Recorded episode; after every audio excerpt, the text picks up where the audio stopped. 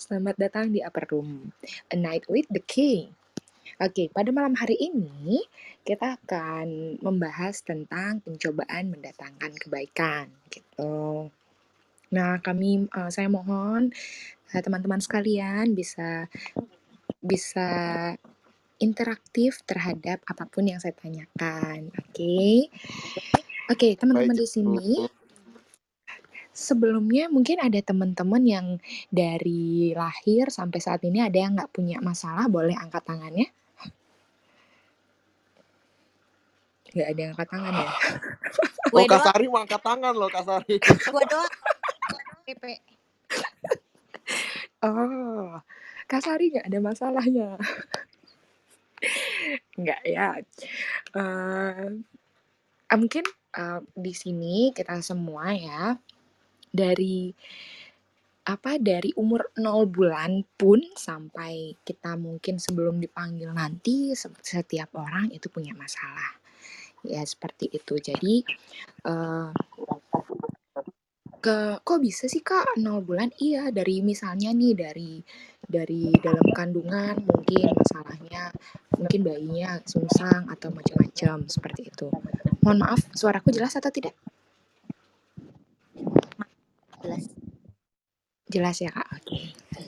Nah, nah setiap orang di setiap orang itu pasti mempunyai masalah. Tetapi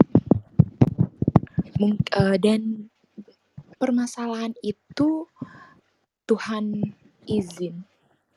Tuhan izinkan kepada kita itu untuk menjadikan kita lebih dewasa. Tetapi satu hal yang kita perlu ingat bahwa masalah itu bukan bukan berasal dari Allah. Pencobaan itu bukan berasal dari Allah.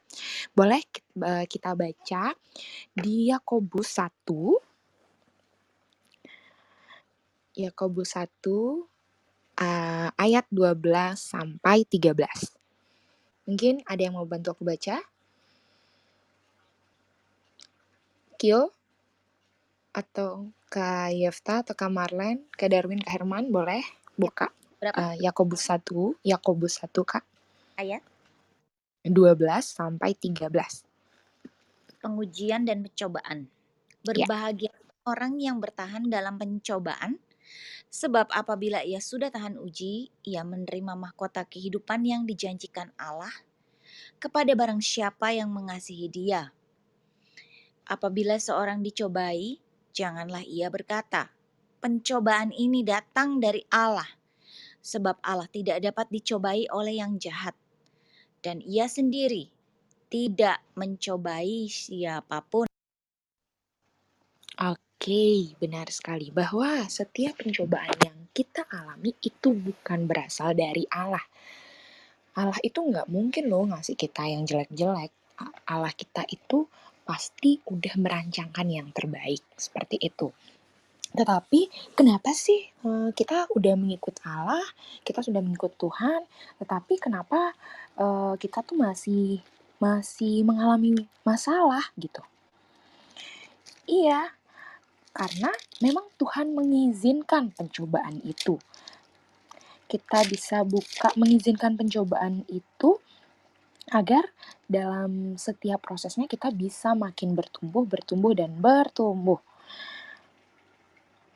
Oke, aku akan baca di 1 Korintus 10 ayat 13.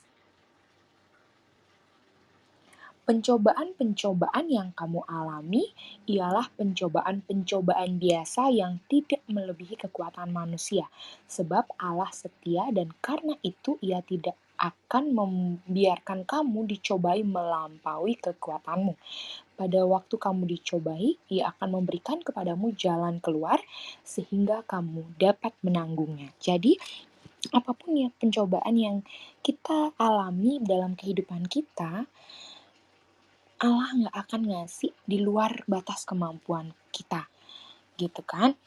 Jadi, uh, teman-teman, ketika teman-teman mengalami pencobaan gitu, kadang-kadang Tuhan mengeluh kan ya mengeluh kadang Tuhan aku capek Tuhan uh, uh, aku udah nggak sanggup. Padahal ya backingnya kita tuh udah hebat banget nih di belakang. Cuma kadang-kadang kedagingan kita membuat kita nggak percaya gitu loh. Maksudnya kita nggak percaya sama Tuhan bahwa Tuhan ada udah siap nih di belakang kita istilahnya seperti itu ya. Jadi bahwa uh, ketika kita bergumul dalam masalah uh, ada ayat 1 Korintus 10 bab 6 semuanya ini telah terjadi sebagai contoh bagi kita untuk mem memperingatkan kita supaya jangan kita menginginkan hal-hal yang jahat seperti yang mereka perbuat. Jadi misalnya ketika hidup kita di dilanda masalah gitu kan, hidup kita dilanda masalah misalnya uh, kita lagi kita percaya sama teman dan akhirnya teman itu menusuk kita dari belakang. Di sini Tuhan sudah bilang bahwa yang jahat jangan dibalas dengan kejahatan karena itu nggak berkenan di mata Tuhan. Ada yang bilang mencuri untuk ke, uh, demi kebaikan. Di mana-mana yang namanya mencuri nggak ada yang baik gitu kan. Ada juga yang bilang berbohong untuk kebaikan. Gimana ya? Kadang-kadang untuk melepaskan statement itu bahwa memang emang berbohong itu aja udah dosa gitu kan. Habis itu tapi ini untuk kebaikan gitu. Jadi menurutku apa pun yang sudah di ada dalam 10 perintah Allah ketika kita melanggarnya ya udah kita berdosa gitu loh. Lalu uh, mengapa sih Tuhan mengizinkan pencobaan? Yang pertama untuk merendahkan hati kita supaya kita bisa mengandalkan Allah. Jadi ketika kita dikasih pencobaan, inget nggak sih dia sama aku? Mungkin Tuhannya akan seperti itu gitu loh. Jadi dalam mengandal uh, dalam sering kali ya manusia apalagi di lagi di puncak-puncaknya, lagi di masa dia berjaya-berjayanya, sering kali lupa sama Tuhan. Sering kali dia aku kayak gini orang karena hebatku kok, karena kuatku gitu. Istilahnya mungkin dia pada saat dia berdoa Tuhan nggak menjawab menjawab gitu. Kadang ada yang berkat ada beberapa cerita yang saya anggap seperti itu. Ada juga aku eh, istilahnya udah udah tinggi udah high level udah udah nggak bisa lah bergaul sama low budget gitu kan. Udah mak dia lupa sama Tuhan.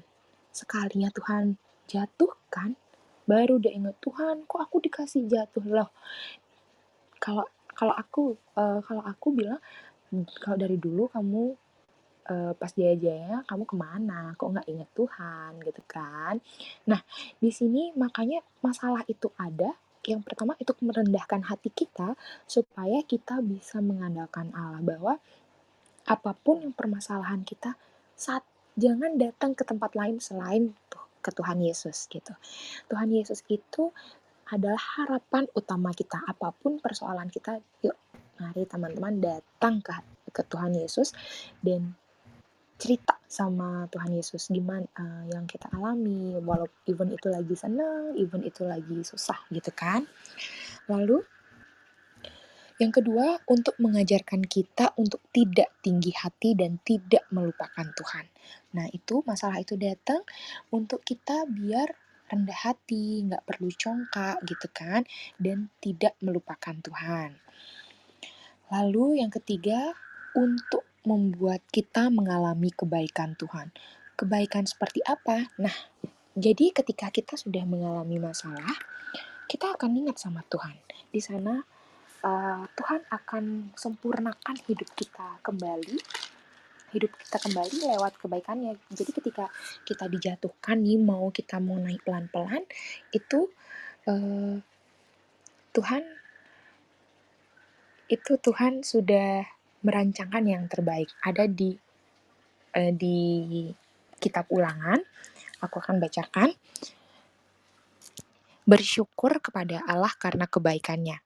Segenap perintah yang kusampaikan kepadamu pada hari ini haruslah kamu lakukan dengan setia, supaya kamu hidup dan bertambah banyak dan kamu memasuki serta menduduki negeri yang dijanjikan Tuhan dengan sumpah kepada nenek moyangmu Ingatlah kepada seluruh perjalanan yang kau lakukan atas kehendak Tuhan Allahmu di padang gurun selama 40 tahun ini dengan maksud merendahkan hatimu dan mencobai engkau untuk mengetahui apa yang ada dalam hatimu, yakni apakah engkau berpegang pada perintahnya atau tidak.